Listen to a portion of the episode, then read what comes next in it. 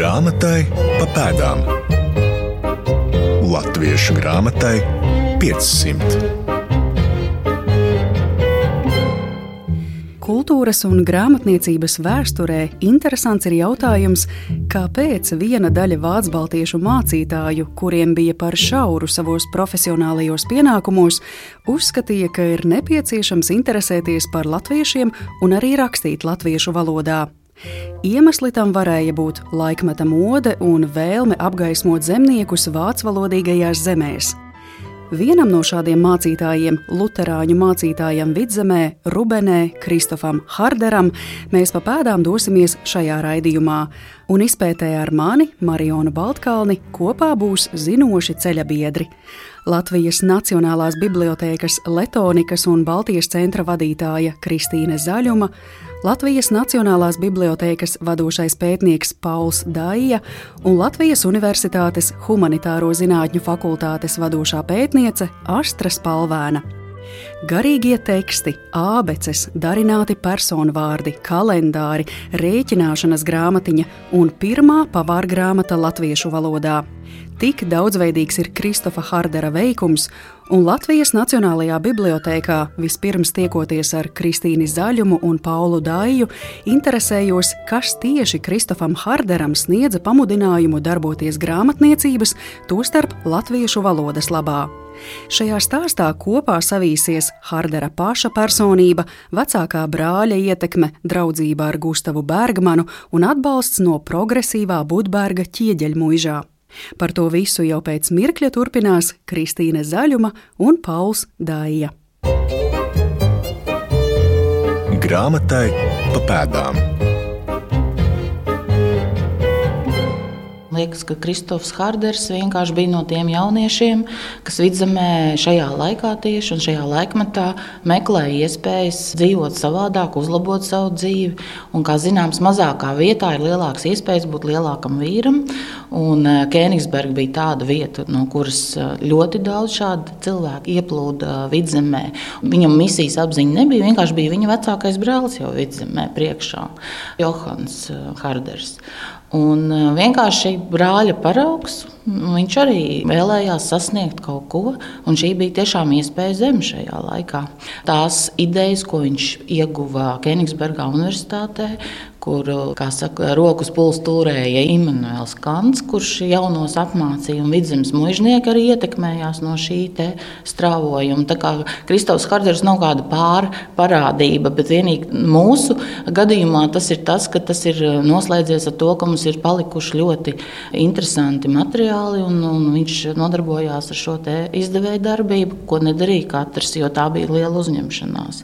Kristofs Harders tātad ienāk no Kenigsbergas vidzemē, un uh, sākumā viņš ir maiskolotājs, kamēr viņš atrod savu vietu un uh, piepilda savu sapni kļūt par mācītāju. Rubeni toreiz ir pavisam maza vieta, un uh, kā raksta Aleksis Apīns.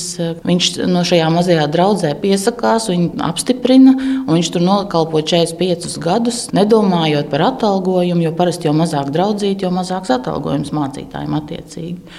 Bet tā nav taisnība. 1808. gadā Kristofs Hārders mēģina tomēr lielākā draudzē pieteikties par mācītāju.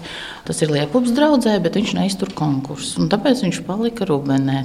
Tā kā bija trīs kandidāti, un tur arī patronāts. Patronāts nozīmē, ka mužniecības konvencija izvēlās mācītāju, maksā viņam algu un vispār nosaka mācītāju vietu un lomu draudzē.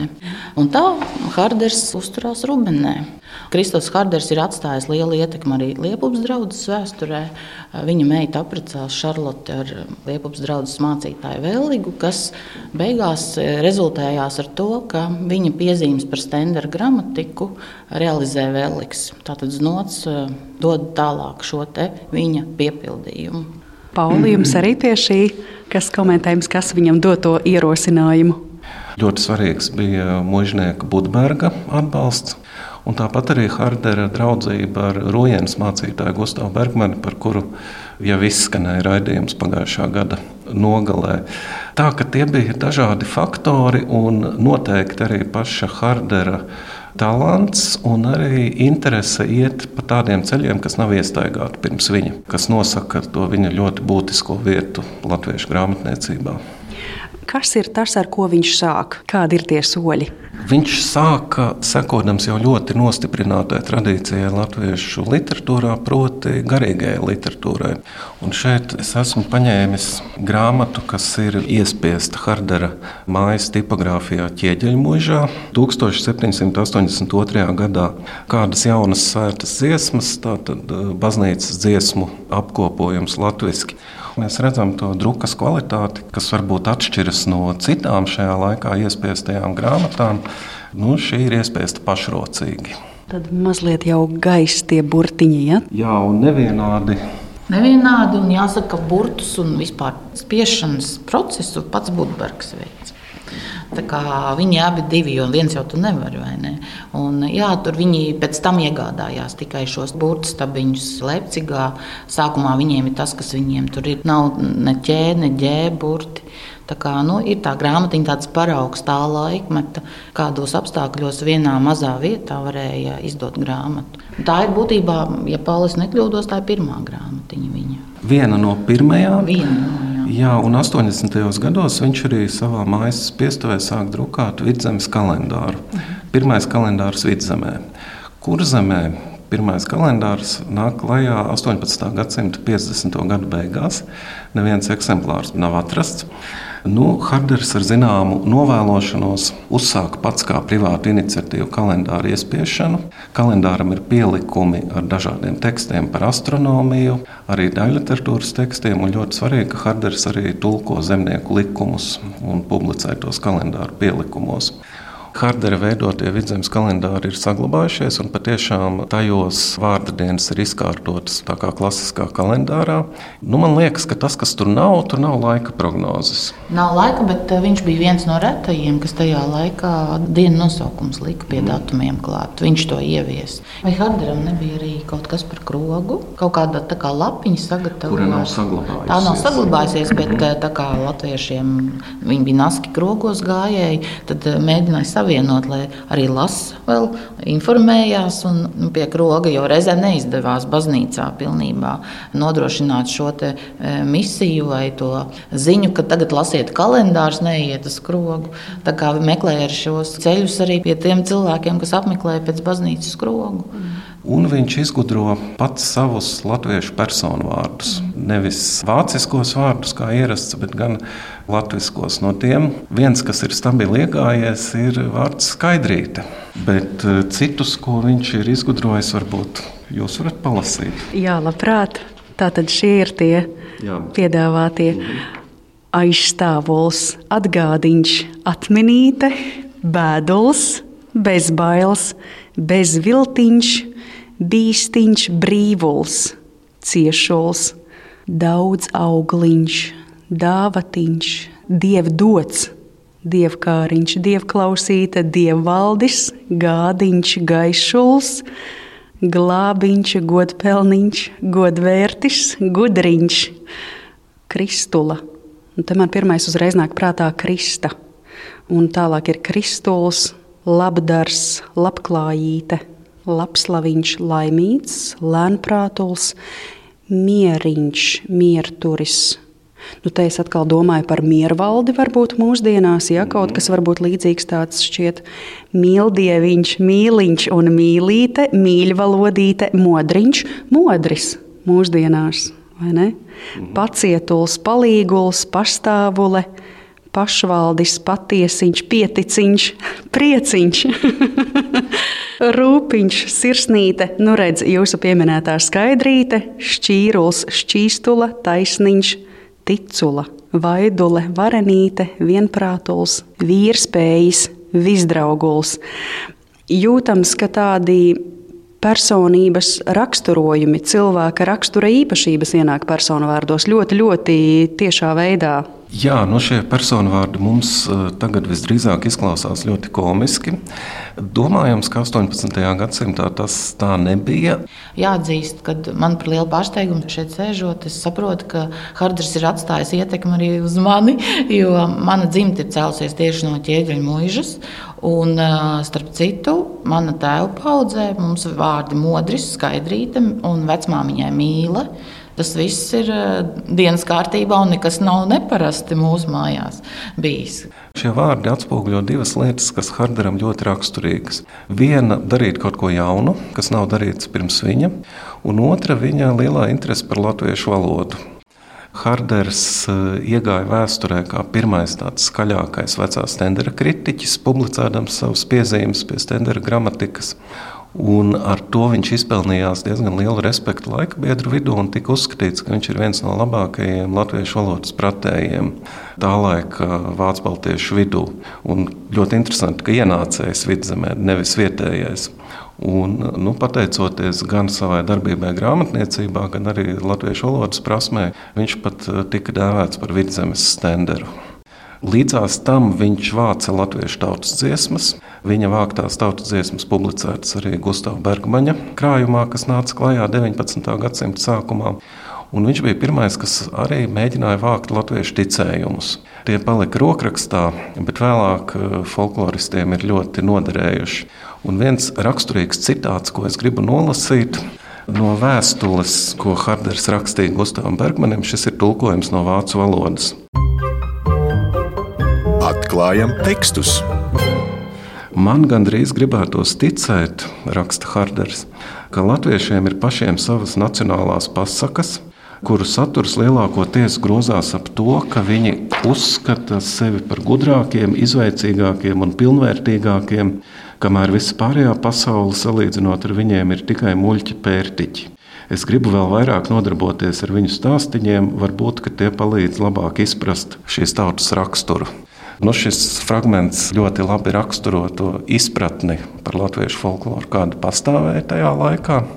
Bet arī Hardera vēlme izprast latviešu tautas raksturu, tā, protams, no vienas puses ir varbūt tāda, mēs varētu teikt, antropoloģiska interese, no otras puses arī vēlme iepazīt tuvāk savu literāro publiku, lai varētu daudz mērķtiecīgāk un efektīvāk to aizsniegt un apgaismot un izglītot. Tas ir tas, ko jau Stenders teica, un tas, kas Harderam bija ļoti svarīgi, lai varētu īstenot to apgaismības programmu, ko viņi bija iecerējuši, ir ļoti labi jāpazīst latvieši. Tas ir ļoti svarīgi, ka Harders pamanīja latviešu tradīcijas, pamanīja to, ka tas ir kaut kas interesants, nevis apkarojams vai izskaužams, kā daudz mācītāji uzskatīja. Tiesa, viņam pašam dzīves laikā mainījās uzskati. Viņš ir arī vienā no saviem kalendāriem publicējis dzējoli, kas ir vērsts pret latviešu māņticību, kā viņš to interpretēja. Tādā komunikācijā ar latviešiem viņam bija viena pieeja. Tajā pašā laikā, komunicējot ar vācu baltiešu mācītājiem, kā ar Gustavu Bergmanu, viņš arī atzina, ka šīm lietām piemīt savu vērtību. Sarunas laikā ar Kristīnu Zaļumu un Paulu Dāju mēs ik pa laikam skaram jautājumu arī par to, kādi bija apgaismotāju mērķi apgaismība arī vācu valodā runājošajās zemēs, līdz zināmai robežai bija saistīta ar to, lai zemnieku darbu padarītu produktīvāku, bet vienlaikus valdīja uzskats, ka laimīgāki, apmierinātāki, turīgāki zemnieki ir visas sabiedrības interesēs. Tāpēc, jā, apgaismībai bija savs nolūks, bet to nevar uzskatīt tikai par kaut ko sautīgu. Vidzemes un kurzemes mācītāju, tostarp Hardera veikums, ir daudz plašāks par šādiem aprēķiniem. Grāmata kļuva par iespiesto mēdīju, par palīglīdzekli ikdienas dzīvē. Svarīgā grāmatzīme. Harders izdeva vairākas abeces. Šīs abeces ir īpašas ar to, ka pirmo reizi tur bija iekļautas pamācības arī rakstīšanā, ne tikai lasīšanā. Un tas ir viens tāds interesants temats, domājot par apgaismību 18. gadsimtā. Un Harders ir labs piemērs tam, ka vienmēr apgaismotāju vidū bija dažādi viedokļi par to, kurā vietā nospraust robežu, līdz kādai pakāpei apgaismot. Kur ir tas brīdis, kad pārāk daudz zināšanas riskē kļūt bīstamas? Nu, te bija runa par attiecībām starp eliti un tā saucamo vienkāršo tautu un zemniekiem. Un no vienas puses ar vienu roku reizēm deva, un ar otru ņēma. Un Harders bija viens no tiem, kas šos priekšstatus izaicināja. Un viens no šādiem viņa darbiem ir viņa rēķināšanas grāmatiņa, pirmā matemātikas mācību grāmata latviešu valodā. Grāmata tappa pēc pasūtījuma Pēc eh, Tērbatas Universitātes ierosinātā vidzemes skolu projekta Harderam tika uzticēts. Eh, šis darbs tur vēlāk bija dažādi sarežģījumi. Grāmata uzreiz nenokļuva apritē, bet tikai kādus pārdesmit gadus pēc nākšanas klajā. Bet tiek atzīts, ka Harders iekļāva šajā grāmatā daudz plašāku programmu nekā zemniekiem būtu paredzēts. Un viņš um, uzskatīja, ka primāri prasme rēķināt, protams, ir nepieciešama um, no ekonomiskā skatu punkta, arī tāpēc, lai zemniekus neapkrāptu tie, kas prot labāk rēķināt nekā viņi. Bet viņš arī uzskatīja šo par sava redzesloka paplašināšanas līdzekli un arī ļoti interesanti kā prieka avotu. Un te es vēlos nolasīt vienu citātu no ievada viņa grāmatā. Viņš raksta, vēl arī ticiet manam vārdam, ka tā rēķināšana izdod dažu jauku prieku. Kad labs, mudrs puisis, kas iemīlējis to rēķināšanu, dažu labu vaļas stundu pie šās grāmatiņas kavējās un ar tiem rēķiniem lauzās, kad tas pēc tam ir ticis galā un rēķina taisnība nāk klajumā, tiešām tas dažkārt nespožu dalderi neņemtu par to prieku, ko viņš jūt par savu rēķinu. Kad pat tam citi prieku krūgos meklējuši un tur sevīm ir dabūjuši zilu aci un sāpes kaulos. Vidzemes stenders, kurš ietekmējis daudzus tālākos procesus. Šādi var dēvēt Harderu, un, kā norāda Kristīne Zaļuma, Hardera patiesā ietekme līdz galam īsti nemaz nav izvērtēta. Bet tas, kas noteikti ir zināms, Kristofs Harders 1795. gadā izdevis pirmo pavāru grāmatu latviešu valodā. Tā pirmā pavāru grāmata no vāces grāmatām pārtulkota. 2020. gadā šai grāmatai apritēja 225 gadi, tajā iekļautas 414 receptes ar zupēm, zivju riktēm, tartēm un citiem ēdieniem. Grāmata pārstrādāta mūsdienu ortogrāfijā, bet tās oriģināls līdz šī gada 20. maijam aplūkojams Latvijas Nacionālās bibliotēkas izstādē Bites, bakas, kartupeļi, praktisko padomu grāmatu pirmsākumi. Pavāra grāmata, tā ir Harderam pilnīgi neraksturīgs, kā saka, saunsūlas, tā nav grāmata zemniekiem. Tā ir muižai domāta. Tā kā ir aizdoms, ka viņš tomēr gribēs to pielāgoties laikmetam un nodoties mazliet naudas nu, līdzekļu iegūšanai. Tā kā pavāra grāmata ir izņēmums īstenībā no tā visa. Pareizi, Pauli. Mm -hmm. Jā. Jā, tiešām ir pieļāvumi, ka pavāra grāmatu viņš uzrakstīs pamatā tāpēc, lai nopelnītu nu, mazas draudzes mācītājiem, kā jau teicu, viņa finanses eh, nu, nevarētu teikt, ka būtu izcili spožas. Tad viņš principā veido šo pavāru grāmatu nu, ar tādu apzinātu mērķi, ka būs nu, Nav, tur mūžās eh, šāda grāmatiņa būs noderīga. Ja? Noderīga un ka pirks mūžnieki. Un vēl jāņem vērā, ka Budbergs jau aiziet mūžībā un viņš paliek viens ar savu ideju. Nu, Budbergs bija milzīgs viņa atbalsts. Tomēr. Un tad Hārders mēģina kaut kā pats kulties, kā teikt. Nu, bija arī plašāks konteksts. Mūžām īsti nebija vietējo pavāru grāmatu. Pirmā vācu baltiešu pavāru grāmata vāciski nāca klajā vēlāk, jau pēc Hardera pavāru grāmatas. Jā, tas bija viens no iemesliem, kāpēc viņš saprata, ka pēc šāda darba būs pieprasījums. Hardera pavāra grāmata bija domāta tieši vidzemē, bet eh, kurzemē ļoti drīz pēc tam iznāca kurzemes latviešu pavāra grāmata, arī domāta mūžu kalpotājiem. Darbu pie šīs grāmatas iesāka mācītājs Urbāns un pabeidza mācītājs Stolbe tā kā arī mācītāja veikums. Hardera pavāra grāmata ir pieejama arī tieši saistē. Ikvienam no mums ir iespēja eksperimentēt. Pirms vairākiem gadiem eh, Kocēnu novada pašvaldība izdeva Hardera pavāra grāmatu jaunā komentētā izdevumā, un arī atklāšanas pasākumā tika cienestā likt galdā ēdienu no šīs pavāra grāmatas. Un, ja gribas eh, padarīt savu ikdienu un virtuvi neparastāku, tad eh, šeit ir viena no iespējām. Es domāju, tā ir diezgan liela fantāzija grāmata manā skatījumā. Tas, ka kāds tās receptes var realizēt mūsdienās, tur ir medaļa Es uzskatu, jāpiešķir, jo tur dažkārt ir ļoti sarežģītas tās lietas, kas tur ir aprakstītas. Kā tad pagatavot vienu no gardajām zupēm? Lūk, ieskats Hardera pavāra grāmatā. Atklājam tekstus! Līdeku zupe. Ņemi mērenu līdeku, bet, kad mazi vien ir, tad jau jāņem vairāk. To notīri, sagriezi gabalos un apsāli drusciņu. Tad nožāvē atkal, apvārti to iekš miltiem un nocepi to drusciņu iekš brūna sviesta. Nepagalam cietu un sausu, bet ka vēl mīksts un zeltīgs paliek.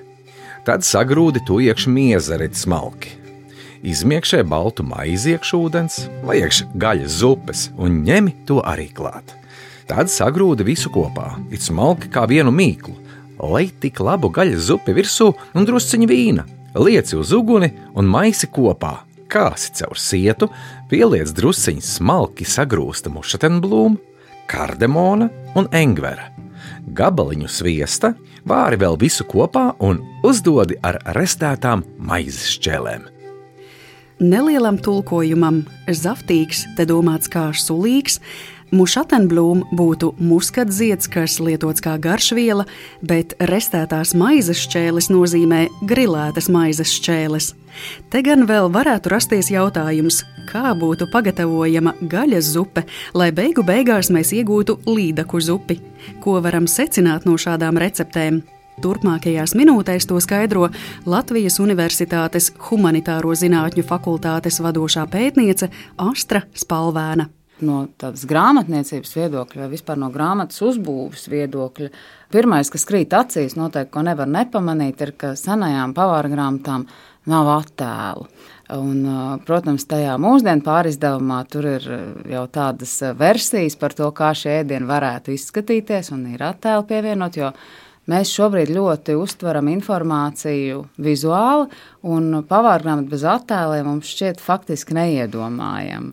Kaut gan latviešu valodā sarakstītajās pavārgrāmatās attēlu parādās 19. gadsimtā, jau, bet nu, šajās pirmajās pavārgrāmatās attēlu nav. Tas ir pirmais, ko mēs varam ieraudzīt.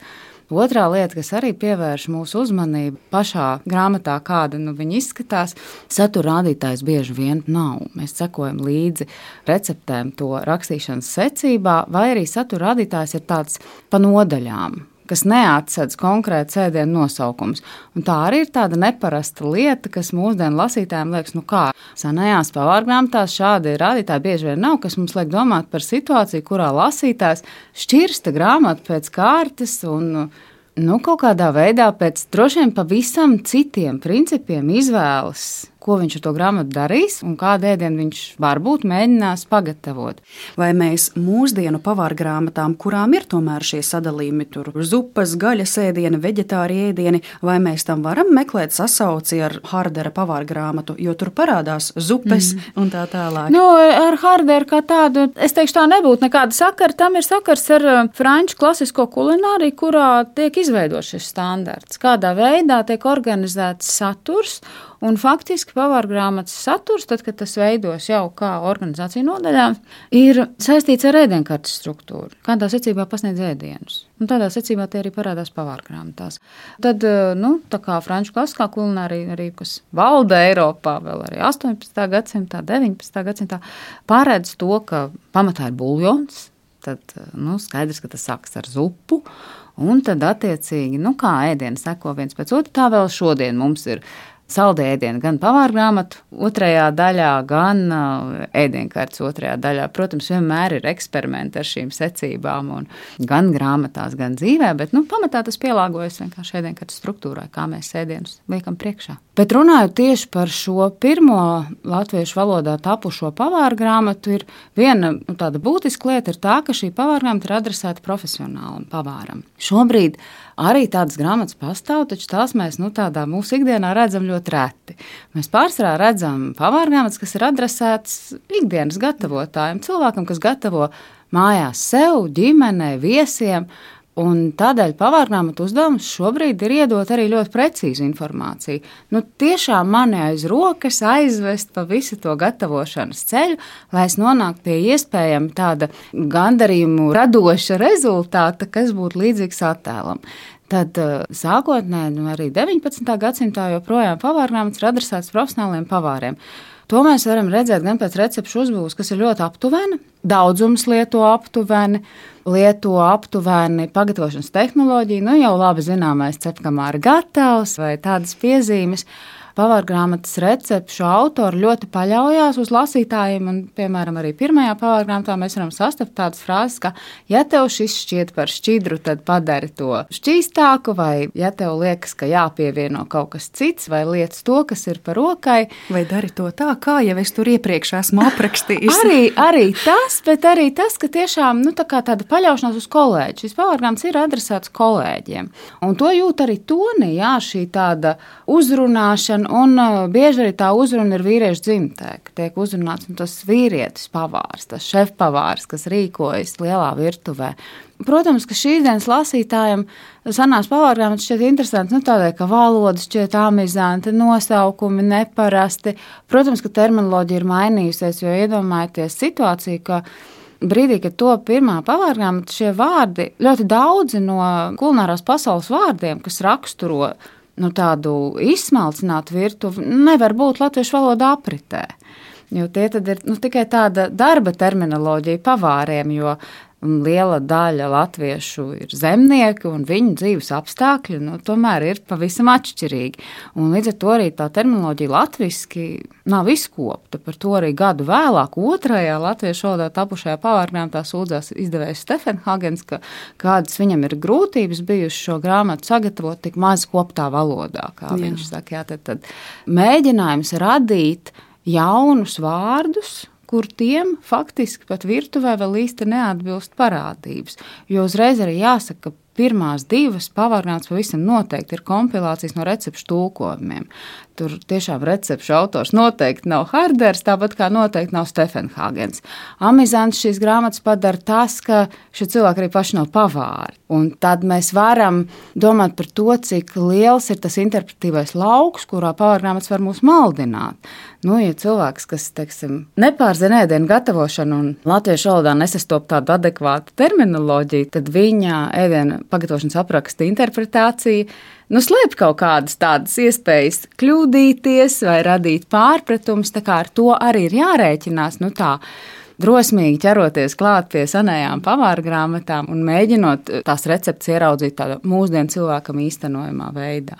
Jā, ir eh, arī tādi amizanti momenti, jo, kā es saprotu, sardeles, kas ir pieminētas eh, pavāra grāmatā, nav tas, ko mēs mūsdienās saprotam ar sardelēm. Tās izrādās ir sardīnes. Tās pat nav sardīnes, bet anšovi. Nu, jebkurā gadījumā nav cīsiņa. Ja? Nav cīsiņa. Un uh, oksena augen arī parādās ļoti bieži. Man liekas, nu varētu taču iztulkot vēršacis, bet nē, visur mm. tie oksena augeni iet cauri. Bet uh, par to, ko šāda pavāra grāmata mums iedod izpratnē par to laikmetu, jo te mēs varam skatīties, protams, uz pašām receptēm, mēs varam skatīties uz uh, sastāvdaļām, varbūt garšvielām, kas tiek pievienotas uz pagatavošanas veidu galu galā, mm -hmm. vai šī hardera veidotā, kompilētā pavāra grāmata ir tāds īsts laikmeta liecinieks. Tad mēs runājam par pašām, pašām 18. gadsimta beigām. Um, nu redziet, pavāra grāmatas um, ir laikmeta liecinieki iespēju un ideju ziņā, bet uh, nav laikmeta dokumenti. Mēs nevaram paņemt pavāra grāmatu, izvilkt ar pirkstu cauri saturam un pateikt, lūk, šādi produkti, garšvielas, eksotiski augļi Latvijā bija pieejami un tos lietoja. To mēs nevaram darīt. Mēs varam izdarīt secinājumu, ka informācija par šādām sastāvdaļām bija pieejama. Nu, to mēs varam labi iedomāties, ja mēs nu, paņemam jebkuru pavāra grāmatu no sava mājas grāmatu plaukta un um, padomājam, cik daudz recepšu no tās mēs esam pagatavojuši un cik lielā mērā šī jebkura mūsu izvēlētā pavāra grāmata atspoguļo mūsu reālo virtuvi. Tas ir vienmēr tāds labs piemērs, kā domāt par to, ko mēs par laiku varam uzzināt no senās pavāra grāmatas. Un uh, runājot par produktu pieejamību, tad tiešām ļoti svarīgi ir atcerēties, ka recepts ir tulkots šajā brīdī. Pilnīgi noteikti varam teikt, ka tās var būt adaptētas bet varbūt arī par tiešo iztulkots. Un iepriekš etnogrāfa Linda Dumpa ir veikusi arī tādu rūpīgu analīzi, salīdzinot ar citām, gan vācijas, gan zviedriski izdotām pavārgrāmatām. Tur tās saknes ļoti labi redzamas. Tāpēc mēs arī nevaram pateikt, vai tiešām šie produkti bija pieejami. Nu, protams, ka tad, kad salīdzinām tos ar vēstures materiāliem, tad mēs redzam, ka protams, ļoti daudz gan garšvielas, gan augļi, un tas bija pieejams. Tas var radīt mums priekšstatu, bet es aicinu neskatīties uz to kā uz tādu vēsturisku un dokumentālu materiālu, kas mums pateiks, kā to laik bija, bet par iespējām tas stāsta jā, par to, kā varēja pagatavot.